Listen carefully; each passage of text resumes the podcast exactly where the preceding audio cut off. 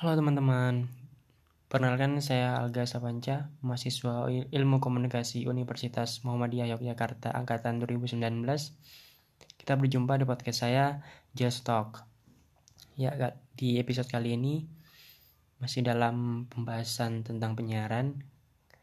Kali ini kita akan bahas lembaga penyiaran di Indonesia. Lembaga penyiaran di Indonesia ada empat, yaitu yang pertama ada Lembaga Penyiaran Publik atau LPP, Lembaga Penyiaran Swasta LPS, Lembaga Penyiaran Berlangganan LPB, dan Lembaga Penyiaran Komunitas atau LPK.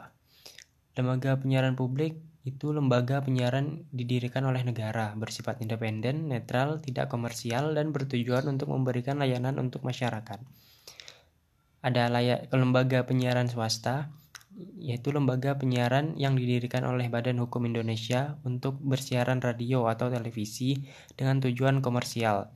Umumnya siaran siarannya bisa diterima secara free to air melalui sistem terestrial.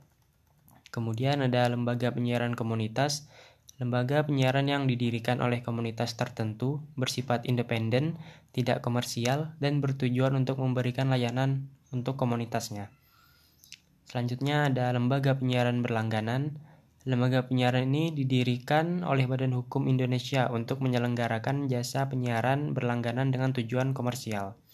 Siarannya menggunakan sistem satelit, kabel, atau terestrial dengan menawarkan variasi program siaran yang dapat dipilih oleh pelanggannya. Hmm, di sini saya akan lebih membahas tentang lembaga lembaga penyiaran berlangganan. Iya. Lembaga penyiaran berlangganan seperti yang dijelaskan tadi adalah lembaga penyiaran yang bersifat komersial. Berbentuk Badan Hukum Indonesia, bidang usahanya hanya menyelenggarakan jasa penyiaran berlangganan dan wajib terlebih dahulu memperoleh izin penyelenggaraan penyiaran berlangganan. Peraturan tentang lembaga penyiaran berlangganan telah diatur dalam Undang-Undang Nomor 32 Tahun 2002 tentang penyiaran. Undang-Undang Nomor 52 Tahun 2005 dan Peraturan Menteri Nomor 41 Tahun 2012 Pasal 8 Ayat 1. Lembaga penyiaran berlangganan memancar luaskan dan menyalurkan materi siarannya secara khusus kepada pelanggan melalui radio, televisi, multimedia, atau media informasi lainnya. Dalam menyalurkan program siaran kepada pelanggannya, penyelenggaraan penyiaran berlangganan dapat diselenggarakan dengan menggunakan sistem analog dan digital.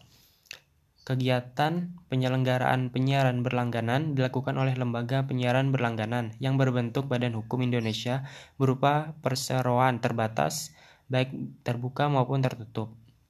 Yang bidang usahanya hanya menyelenggarakan jasa penyiaran berlangganan.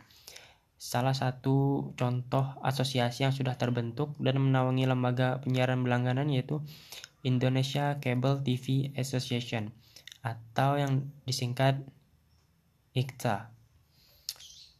Ya, sekian episode kali ini tentang lembaga penyiaran di Indonesia. Semoga setelah mendengarkan ini teman-teman semuanya bisa membedakan lembaga penyiaran yang beredar di masyarakat. Sekian, kita jumpa di episode selanjutnya. Bye bye.